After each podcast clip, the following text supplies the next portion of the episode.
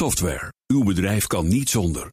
Maar hoeveel u ook investeert, u loopt steeds tegen de grenzen van uw systemen. Stap daarom zonder risico's over op de software van Codeless. Die kan worden aangepast aan uw unieke bedrijfsprocessen. Welke ambities u ook heeft, uw software is er klaar voor. Kijk op slimsoftwarenabouwen.nl.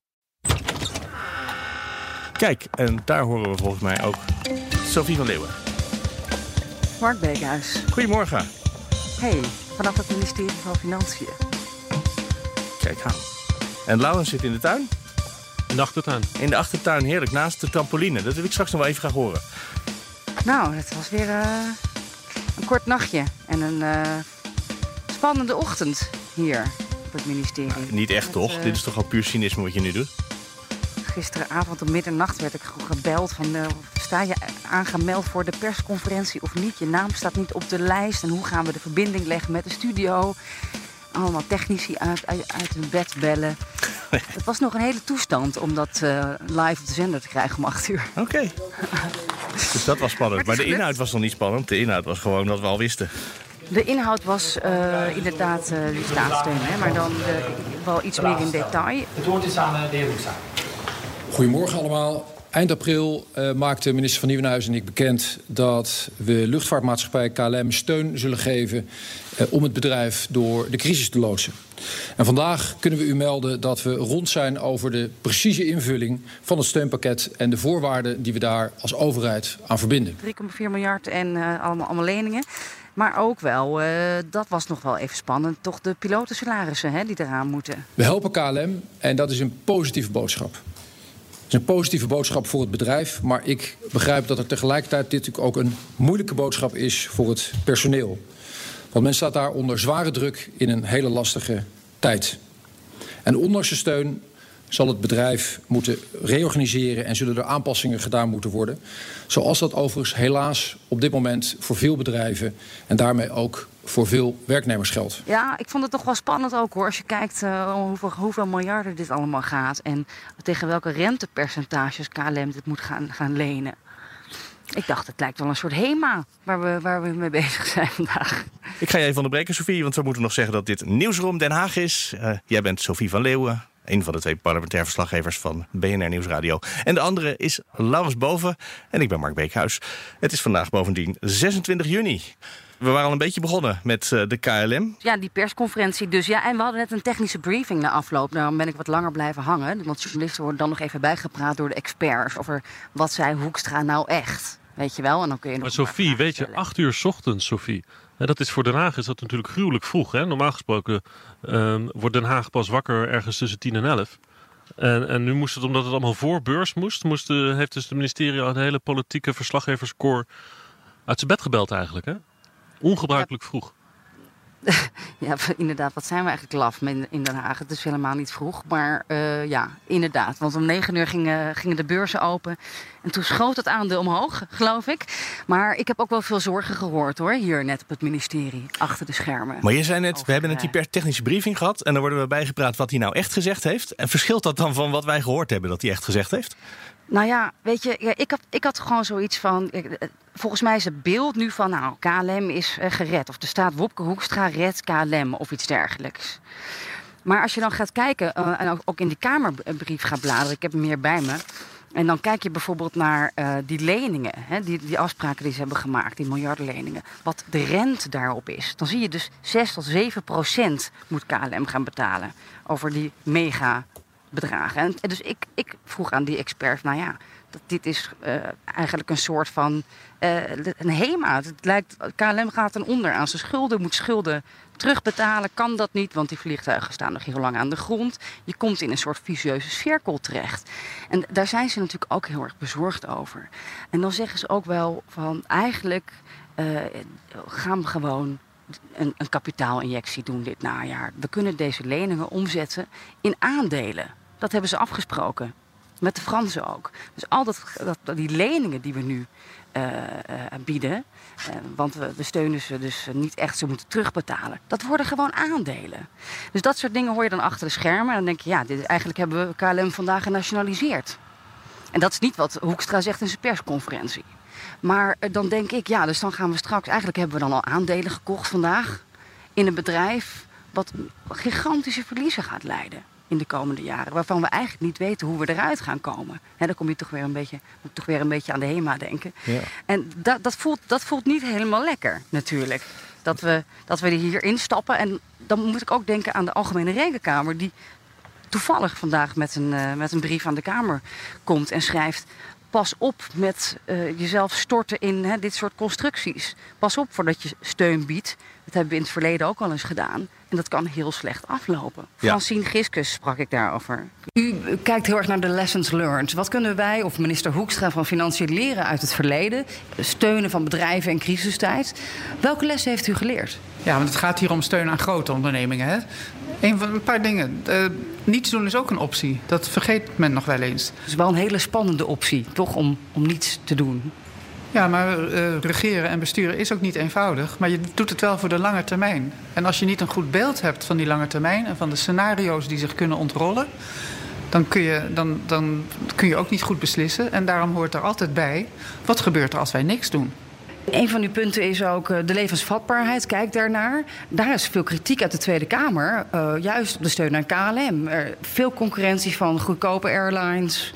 Het komt natuurlijk voor dat de staat al uh, in bedrijven zit, soms met leningen en garanties. Dan gebeurt er nog iets. Dan moet er nog meer steun gegeven worden. Want de afweging is dan, als we die steun niet geven... dan raken we eigenlijk ook geld kwijt door de eerdere regelingen die we hebben getroffen. En zo gaat het in zijn eigen staart ook bijten. En dus is onze oproep, kijk heel goed waar je aan begint. Omdat je het soms niet meer weet waar je eindigt. En dat is dus ook een les uit het verleden. Dit, dit hebben we al eerder gezien met zelfs een parlementaire enquête erbij. Dat klopt. Al in de tachtige jaren van de vorige eeuw hadden we een scheepswerf waar het soortgelijke dingen speelden. Er kwam steeds maar meer bij en uiteindelijk is het bedrijf toch failliet gegaan. Terwijl er wel zo'n uh, 200.000 euro per arbeidsplaats uiteindelijk ingestoken is. Dan hebben we wel heel veel geld over de balk gesmeten. Sophie, wat ik me nog afvroeg, uh, gisteravond heeft de Duitse overheid uh, dus een steunoperatie voor Lufthansa uh, bekendgemaakt en, en uh, geactiveerd. Eh, is er nou een samenhang tussen dat de Duitsers dat na beurs voor Lufthansa doen en uh, Nederland dan voorbeurs voor de KLM? Is dat, is dat uh, met elkaar afgestemd?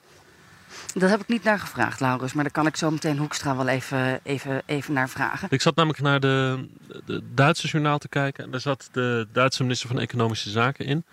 En uh, die kreeg de vraag van, gaan we nou ook nog uh, invloed uitoefenen op Lufthansa? Hè? Met, met uh, klimaatdoelstellingen of bedrijfseconomische doelstellingen, geen binnenlandse vluchten, weet je, al dat soort vragen die hier natuurlijk ook spelen. En toen was het antwoord van de Duitse minister van Economische Zaken, nee, de staat handhaaft via de wet. En de wet geldt voor alle bedrijven. Dus wij gaan niet um, via deelnemingen of uh, staatssteun of dat soort dingen koppelen aan um, uh, voorwaarden die alleen voor dat ene bedrijf gelden, waar wij dus die steun uh, voor doen. Ik vond het een heel interessant ja. antwoord, omdat uh, wij hier eigenlijk heel anders naar kijken. Hier zetten we wel degelijk voorwaarden direct geldend voor KLM gekoppeld aan die steun. Dat doen de Fransen dus uh, eigenlijk net als de Duitsers. Hè? En daar zijn ook zorgen bij de experts op het ministerie van Financiën. Hoorde ik net. Frankrijk, die, die hebben ook al 7 miljard beloofd. En die hebben niet die eisen van... Uh, wij moeten dus 15 procent gaan uh, besparen, reorganiseren, pilotensalarissen, duurzaamheidseisen, minder nachtvluchten. Dat doen de Fransen niet. Nou, de Duitsers blijkbaar ook niet. Uh, heeft er ook mee te maken, denk ik, uh, Laurens, dat wij natuurlijk in een coalitie zitten. Want ik zag net al de, de mailtjes en de tweets van D66 en de ChristenUnie. Hoera, minder, minder nachtvluchten uh, voorbij schieten. Dat wordt hier politiek afgedwongen. Omdat we een coalitie hebben die verdeeld is over dit soort zaken en steun aan uh, luchtvaartmaatschappijen. Dus ik denk dat dat wel sowieso een verschil is. En ja, in, in het algemeen trekken de Fransen na natuurlijk veel makkelijker de portemonnee. Voor ja, hun heeft het ook niet iets ermee te maken dat gewoon de afgelopen 50 jaar of zo de KLM sowieso zijn gang kon gaan wat het ministerie betreft. En dat daar het afgelopen jaar langzaam een klein beetje een verandering in begon te komen. En dat dit dus ook het moment is, hè, dit is het moment waarop je iets kan eisen van KLM. Dat er mensen die dat graag willen nu ook gewoon hun kans meteen grijpen en toeslaan. Nou ja, Wopke Hoekstra moet natuurlijk wel, want hij heeft vorig jaar natuurlijk zo'n show gemaakt door 14% aandelen te kopen. En, en, ik, ja, en roepen, ik wil meer invloed. En voor hem is het natuurlijk ook politiek. dat hij moet laten zien dat, dat hij niet alleen uh, de, de, dat de top, topsalarissen misschien moeten inleveren en, en de gewone mensen wat minder. Dat hij een, een, man is van het midden, van het CDA, et cetera. Dus ik denk dat dat voor hem ook ja, uh, deels een politiek verhaal is. En nou ja, hij heeft zichzelf natuurlijk een beetje ook ja, er, er, erin gewerkt. Trouwens, twee maanden geleden, toch in de coronacrisis, heb ik toch met hem, weet je nog, op Schiphol op het panoramaterras gezeten. Ja. Uh, waar hij zich liet filmen voor die blauwe opstijgende vliegtuigen. Zo van, hoera, mijn aandelen zijn jarig. Ik zat het laatst terug te zoeken, maar dat was eind februari. En toen dachten we nog dat hij misschien wel uh, de volgende premier wilde worden. Ja, en dat, is, dat verhaal is natuurlijk toch wel een beetje anders geworden voor Ja. hem. En hij wil misschien toch geen premier worden. Nee. Ik wil nog heel even nee. terug naar eh, wat wij net bespraken, Sofie. Dat we eh, eigenlijk de, in de persconferentie van Hoekstra iets anders horen dan er achter de schermen speelt. Omdat dat officieel nu nog niet de stand van zaken is. Begrijpelijk, maar toch niet, het voelt niet helemaal lekker. Is dat iets waar jij, Laurens, want jij bent lekker relativerend vaak voor dit soort dingen, ook verbaasd over bent? Of zeg je nee, zo werkt het gewoon? Weet je, ehm, ja, ik kan wel een voorbeeld noemen waar dat natuurlijk heel vaak zo is. Eh, dat is bijvoorbeeld bij de persconferentie van, eh, van de premier. Hè? Als het bijvoorbeeld gaat over grote internationale politieke zaken.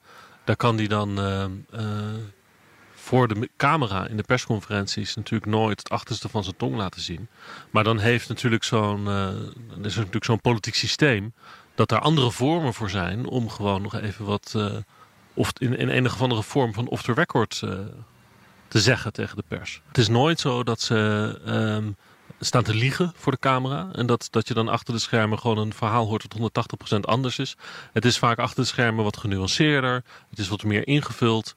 En eh, vaagheden die krijgen, een die sturen ze een bepaalde richting op. Het is geen geheim hè, dat er eh, na de persconferentie van, van Rutte op vrijdag, hè, dan drinken we altijd nog een kopje koffie met de premier in, in Nieuwsport. En dat is dus onder de Nieuwsportcode.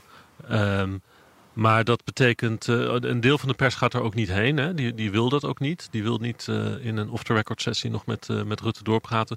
Andere mensen vinden dat juist wel heel eh, interessant. Dus dat gebeurt wel. Maar daar kunnen we dus niet over praten, over wat hij dan daar zegt. Kan je, wel- kan je wel zeggen of de premier suiker in zijn koffie heeft en melk? Of is dat ook eh nieuwsportcode nu? Cappuccino altijd. Cappuccino. Ach, kijk, En hij pikt de, de koekjes in van de journalisten.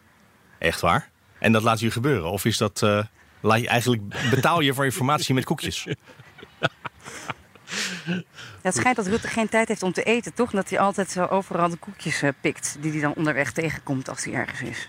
Omdat hij het zo Hij is wel zo'n slanke man, hè? Ik heb gisteren in het, eh, het laatste, voorlopig laatste, denk ik dan toch in elk geval, eh, coronadebat eh, wel een paar keer horen zeggen dat hij zo'n fan is van de horeca. Maar dat snap ik dus nu. Hij is van de koffie met koekjes en hij wil ook heel graag een koekje bij En zijn koffie. de, en de chocolademelk, hè? En de chocolademelk. Debat, ja, zoals gisteren, in het debat. eh, en dan tikt hij een paar glazen chocolademelk weg. Suikerboost, hè? Daar krijg je, krijg je snelle energie van. En je zei al, en toch zo'n slank lichaam. Ja, Ja, ik doe dat ook altijd hoor, om overeind te blijven. Zo vlak zo in de eind van de middag dan ga, ga ik voor de chocomel. Om eh, Oké. het vol te houden. En er is hele goede chocomelk in de, de Tweede Kamer kennelijk. Nou, die koffie is heel vies, dus dan is de chocomel een goed alternatief. Dat debat trouwens, is dat, want het werd echt eh, gezegd, dit is het laatste de, coronadebat. Ik denk, daar gaat het virus over, horen we steeds eh, de politici zeggen. Eh, hè, dat nee, dat het bepaalt het hoe de wereld gaat. Ja, het is wel echt het laatste eh, debat voor het eh, zomerreces. En, en Rutte die heeft in het debat ook heel duidelijk gezegd... eh, eh, de volgende corona-update die komt in, eh, in september. Eh, natuurlijk is dat allemaal, eh, eh, als er een uitbraak is deze zomer, dan, dan is dat natuurlijk anders. Maar ehm, eh, ze gaan dus eh, vakantie in, het zomerreces in, als normaal. Eh, dat is de boodschap. En dan Dus geen, eh, geen, geen crisiscommissies meer, maar eh, gewoon eh, ministeriële commissies, dat soort zaken. Nee, ze hebben, ja, ze hebben de, de crisisstructuur die hebben ze ontmanteld deze week. Dus de corona-zaken die worden nu afgehandeld in een onderraad. Je hebt elke vrijdag de ministerraad en op elke dinsdag heb je onderraden. Dat zijn dus een aantal ministers die komen er bij elkaar zitten die over een bepaalde portefeuille, een bepaald probleem gaan. Nou, zo heb je dus op dinsdag nu een nieuwe onderraad eh, voor de coronabestrijding. Dus die vindt gewoon plaats, zolang ook de ministerraad eh, doorgaat in de zomer. En dat zijn de mededelingen die, die vinden gewoon zijn weg naar de normale persconferentie op vrijdag. Ehm, dus ja, in die zin is de boodschap in Den Haag, de, de, de grote coronacrisis, de uitbraak, die is eh, voorlopig voorbij. Eh, dus het kan ook weer eh, normaal zijn. Dat debat trouwens gisteren, ging dat nog ergens over? Of is ook de crisis wat de Kamer betreft inmiddels wel geweest? Nou, het debat uh, ging. ik wil daar eigenlijk twee dingen over vertellen. Uh, zeg maar de, de, de maatregelen. Hè, de, de coronamaatregelen zijn nog versoepeld, maar er gelden er nog steeds flink wat. En dat is eigenlijk het eerste deel van het debat wat echt wel relevant is. Waar je ook irritatie zag in de Tweede Kamer over. Uh, eigenlijk een hoop vragen vooral. En het tweede ding is natuurlijk het, ja, het geld voor de zorg. Hè. Dat is nou een beetje de actualiteit van de week dat ehm, er uh, ja, nu dus een bonus komt van 1000 euro. Een eenmalige uitkering voor de mensen die in de zorg hebben gewerkt de afgelopen tijd. En er moet dus uh, geld bij. Daar is iedereen het eigenlijk wel over eens. De, de, de, salarissen die moeten hoger in de zorg. En de linkse oppositie die wilde dat uh, eerder deze week via een motie regelen. Nou, daar ging de coalitie voor liggen voor die motie. Um, maar inhoudelijk vinden ook uh, VVD en D66 tot op zekere hoogte wel dat er meer geld naar de zorgsalarissen moet. Maar dat moet dan eigenlijk gewoon via de begroting worden geregeld. Nou, die wordt natuurlijk deze zomer, zijn, zijn er altijd de onderhandelingen over de nieuwe begroting. Dus dat wordt daar wel een hoofdpijndossier. Het, het, zag er wel gek uit, want je hoorde dus de VVD en D66 zeggen... ja, we vinden inderdaad dat die mensen meer geld moeten krijgen. Zullen we het gaan regelen? Nee. En dat is een beetje, en dit patroon herhaalde zich vijf of zes keer... met verschillende woordvoerders van verschillende partijen.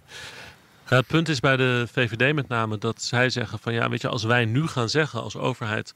we lappen er meer geld bij dan uh, maak je het de werkgevers in de zorgsector te makkelijk. Uh, die gaan dan achteroverleunen en zeggen van nou oké, de salarisverhoging komt dus van de Rijksoverheid, van de, van de belastingbetaler.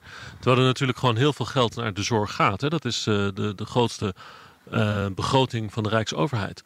Dus uh, zullen we eerst nog eens even kijken wat er in de sector zelf aan geld aanwezig is. Dat is eigenlijk de boodschap van de VVD. En als het nou echt niet lukt, dan kan je bij ons aankloppen. Nou, de linkse oppositie die vindt dat een uh, onnodigheid. Want die zeggen van ja, we weten dat er geen geld in die zorg is. Dus we kunnen gewoon die, die stap overslaan. En gewoon nu de toezegging doen dat er meer geld naar de zorg gaat. Wat trouwens een heel pijnlijke situatie is rondom uh, de zorgsalarissen is dat ook heel veel mensen hebben overgewerkt. Dus eigenlijk recht hebben op flinke uh, bijbetalingen op een normale salaris. Alleen, uh, natuurlijk veel mensen hebben natuurlijk toeslagen in enige vorm. Kinderopvang, huur, zorg, toeslag. En ja, als je meer gaat verdienen, hè, dan, dan wordt dat gekort op de toeslagen. Dus dat is een beetje, een beetje lullig nu voor heel veel mensen die dus meer gaan verdienen vanwege overwerkende coronatijd. Dat ze dat dus in mindering gebracht krijgen op de toeslagen. Dat is op zich een normaal uh, systematiek, zo werkt dat nou eenmaal. Maar dat, dat, dat wil de Tweede Kamer, uh, wil dat eigenlijk niet. Alleen het kan goed zijn dat het niet kan. He, dat de Belastingdienst daar gewoon geen onderscheid in kan maken. Um, en, en dan heeft dat overwerk in de zorg voor de bestrijding van de coronacrisis dus eigenlijk gewoon in de portemonnee van die mensen niks opgeleverd. En dat is wel een hele Laurens, pijnlijke situatie. En dat kan niet. Het, ze zeggen, het kan niet. Het is te ingewikkeld. De Belastingdienst heeft het dan zo zwaar. Trouwens, over die salarissen. Hè, dus dat, die grap met die zorgbonus, dat kost ook bijna 1 miljard euro. En ik hoor ze hier ook al uh, de hersens kraken op het ministerie... als we nog meer geld aan de zorg moeten uitgeven. Met, uh, eigenlijk was het idee uh, ook onderzoek over gedaan. We moeten minder geld aan de zorg gaan uitgeven, want die kosten lopen de spuigaten uit. En we hebben een vergrijzing. Dus eigenlijk is dat het tegenovergestelde van wat ze hier op financiën willen. Het andere deel van het debat is trouwens ook wel interessant. Hè? Dat ging dus over de, de, de inhoud van de maatregelen. Ja. En ik heb een, eh, een paar uh, quotejes uh, losgeknipt. Omdat toch wel de... er zijn allerlei versoepelingen, maar er gelden dus wel nog steeds allerlei regels. Met ook weer uitzonderingen op die regels. En van in, het, in de Tweede Kamer viel toch wel te beluisteren dat mensen ja, het langzaam een beetje uh, een hoge mate van theoretisch gehalte krijgt, zo'n uh, die maatregel. Luister in eerste instantie eventjes naar uh, Lilian Marijnissen en Mark Rutte over het idee dat, dat, dat, dat Rutte dus heeft dat we dus wel weer naar de voetbalstadions komen, maar dat we niet mogen juichen. Dank u wel, voorzitter. Ja, een beetje in het verlengde hiervan um, de discussie over de voetbalstadions. Nou, ik mag zelf graag in een voetbalstadion komen, denkt, of een voetbalstadion welke, komen. Welke club? Dat is in de Kuip. En ik stelde mij zo voor, dan zit je daar in de Kuip bijvoorbeeld inderdaad. Uh, dan komt Ajax op bezoek. Dan wordt er een goal gemaakt, want dat ja. gebeurt natuurlijk nogal eens hè, als uh, Ajax ja. op bezoek komt. Dan maakt Ajax veel goals, geloof ik. Nee, nee, nee, nee, nee, nee, nee, nee. Oh, nee. Hoe gaat dat dan in zo'n kuip? Want dan begrijp ik, dan moet er gefluisterd worden. Ja, maar eerst even... Kan de minister-president uitleggen hoe hij dat voor zich ziet? Want ik kan hem één ding verzekeren. Dan wordt er in de Kuip niet gefluisterd. Maar, hebben, maar, even simpel, Hou je er buiten, voorzitter. Hou je er buiten. Maar even simpel eh, gezegd, voorzitter. Dan hebben we een probleem. Dan hebben we echt een probleem. Dan gaat het dus niet. Ja, je hoort uh, Lodewijk Asscher er nog even doorheen roepen. Hè? Want dat is natuurlijk een beetje een grappig voorbeeld. Als Ajax naar, de, naar Feyenoord gaat, dan, dan scoort Ajax. Hè? Dat was een beetje de Ja. opmerking die Asscher... Dus natuurlijk wordt er dan gefluisterd door de Feyenoord supporters. Maar, maar goed, los van dat grapje. Ehm, eh, ik heb dit, dit voorbeeld gisteren ook nog even aan mijn eh, jongste zoontje eh, verteld. Zo van, hè, ik ben met hem wel eens naar het voetbalstadion geweest. En ik heb aan hem, hem ook gevraagd van... joh, als er nou gescoord wordt, hè, kan je je dan voorstellen dat er dus stil gejuicht wordt? Daar kon mijn zevenjarige zich ook niks bij voorstellen. En dus ook de Tweede Kamer niet. En ik zie het zelf ook niet helemaal gebeuren. Hoe je dan stil gaat juichen. Nou, dan hebben we dus een probleem. Ja, kennelijk, ja. En de andere situatie is bijvoorbeeld die regels die er nu gaan gelden in de, eh, voor de jongeren. Hè? Want tot 18 jaar hoef je je dus niet te houden aan de anderhalve meter. Dan, hoef je, dan kan je dus gewoon dichter bij elkaar komen. Ehm, eerst even Mark Rutte eh, en, en iets over die anderhalve meter voor jongeren op de middelbare scholen. Voor de middelbare scholen, voor het voortgezet onderwijs, is hoe oud je ook bent, je mag binnen de anderhalve meter komen. Dus als een leerling 19 of 20 is, hoeft hij zich niet aan de anderhalve meter op school te houden. Ingewikkeld, want die 19-jarige buiten moet wel zich aan de anderhalve meter afstand houden. Dus als je 19 bent, binnen school wel dicht bij elkaar komen. Buiten school moet je dan bij diezelfde vriendjes uit de buurt blijven. Oké, de MBO-scholen. Bij het MBO heb je natuurlijk te maken met soms leerlingen van 16, 17 jaar oud die buiten zich niet aan de anderhalve meter moeten houden. Maar we hebben uiteindelijk gezegd dat moet binnen wel. Ja, dit is dus. hoe ga je dit soort dingen handhaven? Hoe ga je dit controleren? Hoe maak je dit duidelijk aan mensen? Dus scholieren op het MBO mogen dus niet dichter bij elkaar komen, terwijl ze dat buiten wel mogen. Dan hebben we tot slot nog even de eh, situatie met ehm, evenementen, terrassen, meer dan 250 mensen wel of niet eh, zitten of staan. Mark Rutte. Daarom zeggen we ook eh, buiten tot 250 mensen eh, zijn zitplaatsen niet nodig, behalve op de terrassen. Daar moet je wel zitten. Waarom een uitzondering tot 250 mensen verder buiten? Omdat je anders niet langs het sportveld kunt staan, de straatbarbecue. Dus daar maak je een uitzondering. Maar voor de terrassen, en dat geldt dus ook boven de 250 bij evenementen en festivals, eh, zitplaatsen. En binnen sowieso altijd zitplaatsen. Ik ben Ja, het echt hè, helemaal kwijt, Laurens. Ja, dit is volgens mij een. Haagse werkelijkheid die hier wordt gecreëerd. Rondom afstand houden. Die in de praktijk natuurlijk. Dit, dit heeft niks meer te maken met de praktijk van alle dag en hoe het op straat natuurlijk gaat. Nou, Je, je, je- Is je kan dat wel een beslisboom ophangen. Hè, ben ik binnen of buiten? Zie ik meer dan 250 mensen om me heen of minder? Nou, ik vind het een theoretische eh, exercitie worden. maar de uitleg van die scholen, die was wel heel logisch, toch? Zij, we hebben scholen waar voor de grote meerderheid mensen onder de 18 zitten. En we hebben scholen waarbij voor de grote meerderheid mensen boven de 18 zitten. En die behandelen we alsof ze allemaal onder of allemaal boven de 18 zijn. Want anders wordt het binnen zo'n school ingewikkeld. Ja, maar het punt is dat dit, eh, dus een, op papier is dit allemaal heel erg logisch. Het gaat erom, eh, we zitten in een, in, in een situatie dat steeds minder, mensen, steeds minder mensen zin hebben in die anderhalve meter samenleving. En eh, dat het losser wordt. Hè, we gaan de zomervakantie in, dan is het sowieso een wat lossere periode altijd in het leven van mensen. En eh, ik zie niet hoe, hoe, hoe mensen door dit soort regels ehm, eh, nog weten wat ze moeten doen, nog weten wat er van ze verwacht wordt. Eh, als je nou naar het strand gaat zometeen, hè? het is lekker warm. Mag je nou wel of niet dicht bij elkaar komen op het strand? Je kinderen wel, jijzelf niet. Ja, maar als je uit één huishouden komt, weer wel waarschijnlijk. Ja, Maar ik, Ja. ik hoorde trouwens wel in de wandelgangen dat, wat ja, eigenlijk eh, zei Rutte gisteren, nou ik wil gewoon even rustig aan en voorlopig doen we helemaal even geen maatregelen meer. Het is nu even klaar. Maar dat de burgemeesters het deze zomer heel erg druk gaan krijgen, want die moeten dit allemaal gaan handhaven. En eh, ik denk dat daar de pijn zit, eerlijk gezegd, eh, als je het hebt over al deze theoretische maatregelen. Met uitzonderingen op uitzonderingen. Hè? Dus dat worden de, de, de BOA's krijgen het nog druk, zullen we maar zeggen. Om dit allemaal uit hun hoofd te leren en vervolgens toe te passen in gewoon eh, de buitenwereld. ik denk dat je nog een goede verdediging hebt als je een boete krijgt en daarna zegt: Sorry, deze regels waren te ingewikkeld voor de gemiddelde Nederlander. Eh, dit kon ik echt niet volgen. Dus misschien dat je dan eronder uitkomt. Ja, en eh, die boetes, ja, nou goed, en we hebben ook nog geen corona-spoedwet, hè. die is ook nog even uitgesteld, dus voorlopig... eh, Nee, geen corona-spoedwet. We hebben ook nog de corona-app. En die liggen allebei bij Hugo de Jonge op het bordje. En die blijven daar ook voorlopig liggen, want die zijn er allebei nog niet. Eh, dus het, dat, als we het hebben over lijsttrekkerskandidaten, eentje voor het CDA bijvoorbeeld, Hugo de Jonge. Ja, dan heeft hij niet per se een heel goed track record in de afgelopen weken. Of is dat uh, een perspectieffoutje? Nou ja, hij presenteert zich heel erg als de man van de actie. En van nu doen en nu mondkapjes. En ik ga bellen en ik ga het regelen. Maar er zit wat vertraging inderdaad op eh, Hugo de Jonge de laatste tijd. dus ja, de app is er nog niet. Maar goed, daar is hij mee bezig. En de spoedwet, ja, daar was zoveel gedoe over. Dat wordt pas in het najaar. Ze gaan de app nu wel testen in Twente, hè? Dat is deze week bekend geworden. Dus er zit wel ontwikkeling in de app. Het gaat alleen veel trager dan, uh, dan de bedoeling was. Dus hij is natuurlijk heel optimistisch begonnen met van we hebben dit binnen twee weken geregeld. Nou, dat bleek in de praktijk allemaal wat ingewikkelder. En zelf uh, zegt hij daar eigenlijk over, of rechtvaardigt hij de, de vertraging ook wel, door te zeggen van ja jongens, het moet veilig. Maar had de Tweede Kamer gewoon... niet bedongen dat ze eerst uh, toestemming wilde geven voor die app in, in, de, werkelijk, in de werkelijke wereld uitgerold wordt? Uh, dat zou kunnen. Dat dat, uh, dus is een dan gaat de minister dus... gewoon uh, de, de Kamer, dan snijdt hij gewoon de Kamer af. Nee, nee, nee. Ja, die hebben hem ook wel teruggefloten hoor. Ja, maar dit is een droge testversie. Dus Ja. mensen kunnen hem gewoon installeren en hem dan uitproberen of die gebruiksvriendelijk is. Of, die, eh, weet je, of dat melden van een eh, eh, theoretische besmetting, of dat allemaal werkt en zo. Dus ze hebben kennelijk een versie gebouwd die nu klaar is om te testen. Maar dat betekent nog niet dat die massaal wordt uitgerold over het hele land. Ehm, en, en, en het is natuurlijk technisch een ontzettend ingewikkeld systeem, omdat het ook allemaal privacy eh, beschermd moet zijn. Over de campagne van de jongen, Laurens. eh, de- ik was, stond gisteren op het ministerie met die zorgbonus die hij presenteerde voor hè, eh, 800.000 eh, mensen die, die in de zorg werken of zo. Direct daarna op de Twitter-account van Hugo de Jonge een eh, groen CDA-logo met Hugo de Jonge eh, fixt de zorgbonus. Dus dat was direct campagnemateriaal voor hem. Ja.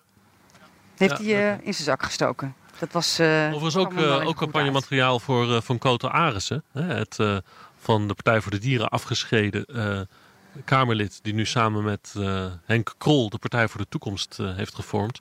Want deze zorgbonus is het resultaat van haar motie. Hè. Zij heeft een motie ingediend en heeft het er doorheen gekregen. Dus zij stond gisteren ook een vreugdedansje te doen in de Tweede Kamer. Dus het is ook voor de Partij voor de Toekomst campagne. Misschien toekomst voor de Partij voor de Toekomst. Wie weet. Dankzij de zorgpremie van Hugo de Jonge. Ja. Nou, in de laatste peiling en- hadden ze één zetel met z'n tweetjes. Dus eh, dat is nog... Ja. Er er moet nog ja, even goed komen. van Henk Krol af. Hè? Ja, klopt. nee, je hebt helemaal gelijk. Er moet nog gewerkt worden daar. Ja. en verder weet je wat natuurlijk heel leuk is om te zien... is dat nu dus Pieter Omtzigt eh, zich ter elfde uren nog even heeft gemeld... voor die Ja. kandidaatstelling. Die hadden jullie toch ook niet zien aankomen, of wel? Nou, ik hoorde in de wandelgangen. Ik, sinds een paar dagen had hij opeens hele mooie pakken aan. Ik denk, wat is er met Pieter Omtzigt aan de hand? Maar goed, ik was druk. Ik, had, ik, ik wilde het vragen, niet gelukt. Eh, maar ik dacht, misschien gaat hij zich toch wel kandideren. En ik hoorde het ook al van Renske Leijten... dat hij heel veel eh, verzoekjes heeft gehad. Heel veel mensen die hem hebben gevraagd. Misschien van, via de toeslagenaffaire, maar ook CDA-leden Pieter...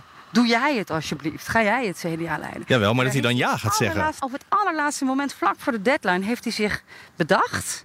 Misschien toen Martijn van Helder, Helvert eh, zich kandideerde, dat hij dacht: ja, Amahula, als jij. Als jij hij, dan gaat, kan ik het zeker. Dat kan ik beter.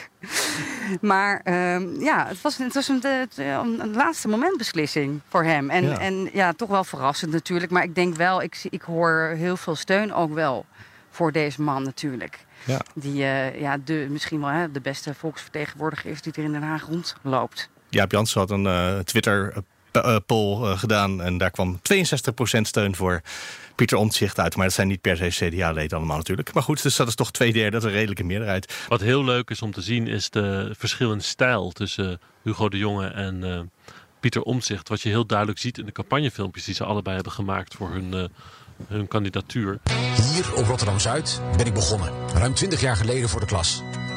Als leraar kun je voor deze kinderen echt iets betekenen.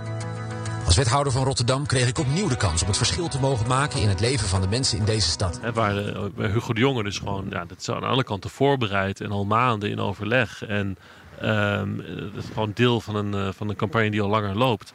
En dat zie je dan ook in dat filmpje. hè. Dat is echt een professioneel gemaakte film. Waar je hem door Rotterdam ziet rondlopen. En hij zijn, eigenlijk zijn biografie vertelt aan de hand van de beelden van Rotterdam. En vervolgens dat dan culmineert in zijn visie op de samenleving en de rol van het CDA. En waarom hij dat voor elkaar moet gaan krijgen. Zorg voor elkaar is het fundament van onze samenleving en dat zien we juist nu.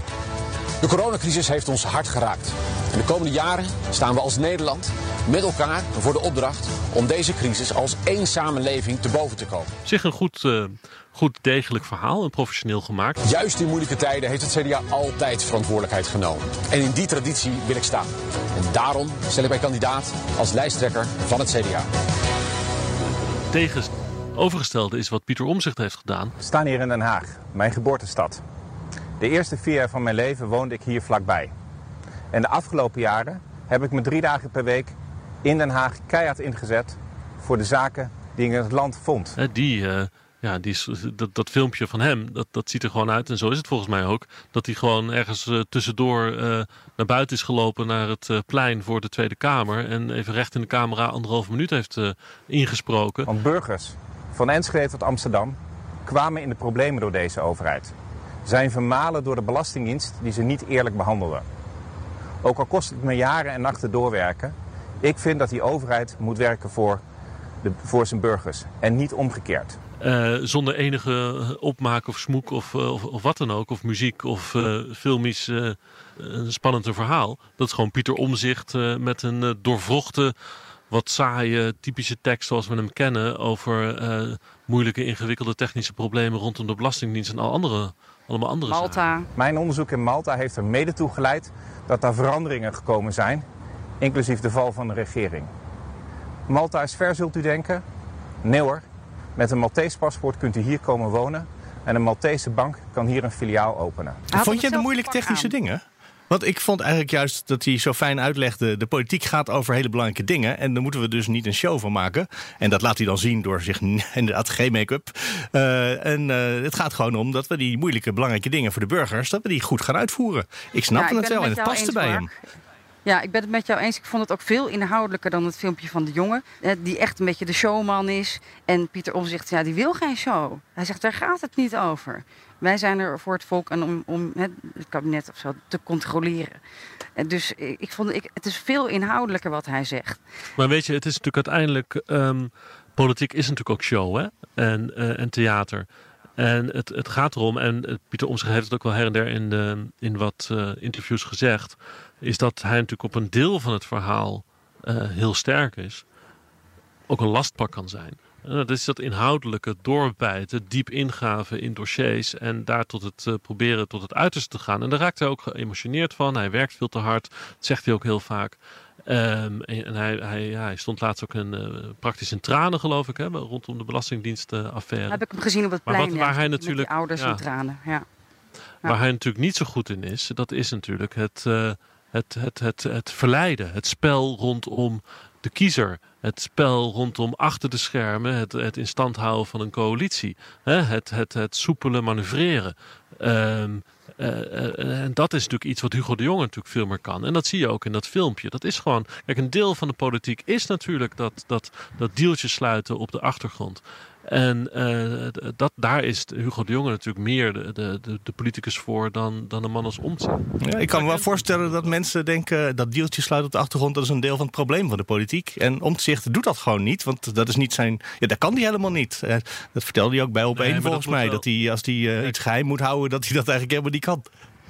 Nou, nee, dat moet wel. En ik denk dat Omtzigt dat ook wel ziet. En ik denk dat dat ook de reden is waarom Omtzigt, Omtzigt zegt van ik ben geen premierskandidaat. Dat heeft hij gezegd? Los heeft hij dat gezegd? Jawel. Heeft hij in NRC gezegd. Okay. Uh, dat hij verwees aan de peilingen en het is niet realistisch dat het, uh, dat het uh, CDA de premierskandidaat kan zijn. Ja. Um, maar het, heeft hij, er is er ook gezegd dat, uh, dat hij dan uh, Hoekstra als premierskandidaat heeft of zo? Of dat hij nee, dat was Van Helvert. Premier gaat zijn? Oh, dat was Van Helvert. Ja, en bij op één weigerde die antwoord te geven op deze vraag. Want dit was nu niet aan de orde. Want uh, peilingen en bovendien is, gaat het nu over lijsttrekkersverkiezingen... en over een jaar pas over wie de premier mag leveren. Hij heeft ook wat dingen ik gezegd dat Hoekstra over... wel eens uh, ook zijn kandidaat zou kunnen zijn. Hè? Hij is een man van de financiën, Pieter Omzicht. En uh, ik kan me voorstellen dat hij dan zomaar weer in zijn beeld zou kunnen komen. Maar goed, wat je zegt, waarschijnlijk niet als premier, maar als minister van Financiën. Kijk, hij is binnen die fractie natuurlijk ook een beetje een, een, een, een lastpak zo af en toe. Hè? Hij is natuurlijk een man die zich met alles en uh, iedereen bemoeit. Uh, vragen stellen die, aan, aan ministers die soms helemaal niet puur gezien zijn portefeuille zijn. Zo rond, zoals de corona-uitbraak. Dus hij is heel actief geweest in het begin, terwijl hij niet de zorgwoordvoerder is. En het is ook niet voor niks dat ze hem natuurlijk uh, eigenlijk niet wilden hebben meer bij het CDA. Ze bij de vorige verkiezingen? 12, en 12 was dat. Oh, toen stond hij uh, heel hoog op de lijst, onverkiesbaar. En hij heeft zich toen echt zelf teruggevochten. Uh, maar, uh, en omdat hij dus zo'n grote eigen achterban heeft, heeft hij zichzelf een plek veroverd binnen de CDA-fractie. Maar hij heeft natuurlijk niet alleen maar vrienden binnen het CDA. Nee. Hij is niet een politicus die uh, makkelijk vrienden maakt. Dat is een man als Hugo de Jonge wel. En hoe je het went of keert, je kan wel zeggen van we moeten een kabinet hebben wat een beetje losser staat van de Tweede Kamer. Uh, daar is best wel wat voor te zeggen. Minder achterkamertjes en meer een uh, dualistisch stelsel. Maar ook in een, een dualistisch stelsel heb je een coalitie nodig. En een coalitie die draait nu eenmaal op uh, Kamerleden, ministers... die er goed in zijn om in tijden van conflict... ook vriendschappen en, en, en menselijke over en weer, die deeltjesmakerij... om dat gaande te houden. En daar heb je toch uiteindelijk een, uh, meer de, de, eigenschappen nodig van een man als uh, Rutte of, uh, of, of de jongen. dan dan een, een, een, man als Omzicht, die heel goed op de inhoud is.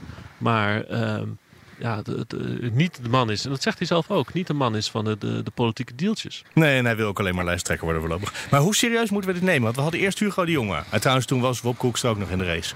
Uh, die ging toen uiteindelijk toch maar eerst niet meedoen. Ja, ja. precies. Uh, maar toen bleef dus Hugo de Jonge als de kandidaat over. Toen kwam daar ineens kwam daar Mona Keizer naast. Uh, nou ja, dat hadden mensen misschien nog wel aanzien komen. Uh, daar kwam Martijn van Helvert naast. Dat had ik ook niet uh, bedacht, maar daar heb ik ook niet heel lang over nagedacht. Die bovendien zei, ja, ik wil niet jullie premier worden. Uh, en dan toch ook nog deze vierde, Pieter Omtzigt... die bij, denk ik, de bevolking hartstikke populair is... en het CDA misschien zelfs wel heel groot zou kunnen, worden, kunnen maken... maar die bij het CDA zelf, wat jij net zelf zegt, Laurens... niet per se heel populair is. Hij heeft vrienden en hij heeft vijanden. Um, het, het, zou best wel eens kunnen dat het een driestrijd wordt tussen uh, Mona Keizer, Hugo de Jonge en uh, Pieter Omtzigt. Maar eerlijk gezegd, weet je, er is, we moeten even niet vergeten dat er nog een stap tussen zit. Het CDA-bestuur gaat vanmiddag om vijf uur bekendmaken wie ze toelaten tot de lijsttrekkersverkiezingen. En uh, dit is niet wat ze wilden, hè? wordt wel algemeen gezegd. Ja. Dat, dat zij nu echt zo'n verkiezing hebben met, met een stuk of vier kandidaten. Uh, het, was natuurlijk heel veel fijner geweest als het Hoekstra versus de jongen was. Dan wel gewoon alleen de jongen. En die zetten we op het schild. En we gaan met één leider de, de zomervakantie in. En we zijn er weer. Nu moeten ze echt nog een, een, nou, praktisch een richtingenstrijd gaan leveren rondom deze uh, lijsttrekkersverkiezingen. En het kan zomaar zijn dat, uh, dat het CDA-bestuur. Waarschijnlijk onverstandig, maar dat ze zeggen van nee, we laten Omtzigt en Helvert helemaal niet toe tot de lijsttrekkersverkiezingen. Zijn daar harde criteria voor die, die, die altijd opgaan? Waarvan ze bij het CDA doen we altijd, of doen wij alleen maar lijsttrekkers die premier willen worden, nou, zoiets? Nee, je moet, ook, je moet ook steun hebben van leden. Maar ik denk dat die, zeker in het geval van, van Omzicht, uh, dat die steun er wel is. Uh, en bij Van Helvoort heb je natuurlijk heel veel steun uit het zuiden. Brabant en Limburg, dat weet hij zelf ook. Dus ik zou me niks verbazen als ze allemaal worden toegelaten. En dat we dan uh, eerste week juli de echte strijd krijgen. Vergis je niet, ik denk dat het belang van de partij hier best zwaar weegt. We zitten de negen maanden voor de verkiezingen. En het zou natuurlijk een beetje vervelend zijn voor het CDA als ze deze campagne ingaan, beginnen met een uh, richtingenstrijd. Over stad versus platteland, over links versus rechts, over wel of niet met uh, de populisten samenwerken. Weet je, als je dat soort uh, dingen nu niet wil, of nu wel krijgt, dan, dan, dan kan je een valse start maken in die campagne. En, en als, als die campagne, die verkiezingsstrijd zelf mensen gaat beschadigen en de partij gaat beschadigen, dan ben je natuurlijk ook verder van huis. Dus uh, dat zal een afweging zijn. Ze kunnen natuurlijk ook iets bedenken. Wij, wij zetten nu Hugo de Jonge naar voren. En die discussie over stad, platteland en, en de populisten... die lossen we wel op een andere manier op buiten de lijsttrekkersstrijd. En we zorgen dat deze vier mensen allemaal een mooie plek op de lijst krijgen. En dan praten we daar na de verkiezingen wel verder over. Maar laten we nu gewoon eventjes ons concentreren op... van we moeten er weer staan met een nieuwe leider. Dat kan ook een overweging zijn. Ik weet het niet. We zullen het van, yeah. straks om vijf uur allemaal live meemaken. Je zegt al een paar keer het woord uh, populisten, Laurens. Je vertelde vlak voor we onze opname starten... dat er een boek van een, uh, een prominente populist naast jou op het bankje in de tuin ligt. Zeker. Ik ben het gisteravond een beetje gaan lezen. Politiek van het gezond verstand. Geschreven door Thierry Baudet. Um, ik mocht het meenemen gisteren bij de mensen van Forum op de voorwaarde dat ik uh, voor zaterdag niks ga vertellen over wat er in het boek staat. Ja, ja dan heb je uh, nu al bijna je, bijna je embargo geschonden. Nou, nee, de titel. De was- omslag, ja, precies. Ja. Eh, morgen wordt het eh, officieel eh, gepresenteerd. En het eerste exemplaar eh, wordt aangeboden aan eh, Hans Wiegel. Nou, het is wel een interessant boek hoor. Het gaat eigenlijk over zijn eh, ontwikkelingen. Hij, hij- het is een soort autobiografisch heldenepos. Oh, wauw. Of dat genre al bestond, maar het. Eh, Maar ver- ver- roep jij nu dat Thierry Baudet een held is? Nee, dan moet je goed luisteren naar hoe ik het omschrijf. Ja, ik denk, ik wil even exact... Ja, precies. Oh, hij vindt zelf dat hij een held is. Dat is wat jij tot nu toe gelezen hebt. En eh, het, het, het, bes- het beschrijft zeg maar zijn eh, politieke werdegang. Ja, Mooi oh, Duits woord. Mooi Duits woord, precies. ook mooi hoor. Je hebt het vast nog niet helemaal uit, manifest. als het morgen pas gepresenteerd wordt. Maar vind je dat, eh, denk je dat we het moeten gaan lezen? Is het heel dik bovendien? Eh, dat is ook zoiets wat mij nog wel eens tegenhoudt. Nou, laat ik het vooral, het is iets van 350 pagina's. Ah, Oké. Eh, laat ik het vooral voor mezelf spreken. Eh, ik ga het lezen, maar dat Mhm. is natuurlijk vooral omdat ik een politiek verslaggever ben. En Ja. eh, Forum voor Democratie toch, eh, naar het nu lijkt, een belangrijke rol krijgt in de komende Tweede Kamerverkiezingscampagne. Ja, maar ik ga nu een je... kopje koffie bestellen op het plein eh, bij het standbeeld van Willem van Oranje. Ik- Als je, dat, als je het uit hebt, dan moet je het maar even door, doorpasen, dat boek. Dank jullie wel. Jij bedankt, Mark. En eh goed Tot volgende week. We komen aan het einde van deze podcast. Wil je reageren? Mail dan naar nieuwsroom.bnr.nl of nieuwsroom.fd.nl. En je kan natuurlijk ook even kijken bij de show notes op bnr.nl slash nieuwsroom of bnr.nl slash nieuwsroom Den Haag. Tot de volgende. Tot de volgende. Kijk, dat moest nog even, omdat jullie namelijk allebei achtergrondgeluid hebben. En dan moet dat doorlopen.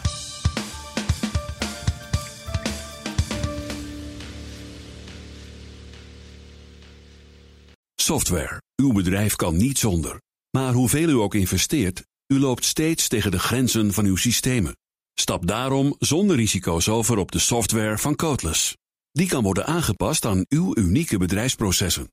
Welke ambities u ook heeft, uw software is er klaar voor. Kijk op slimsoftwarenabouwen.nl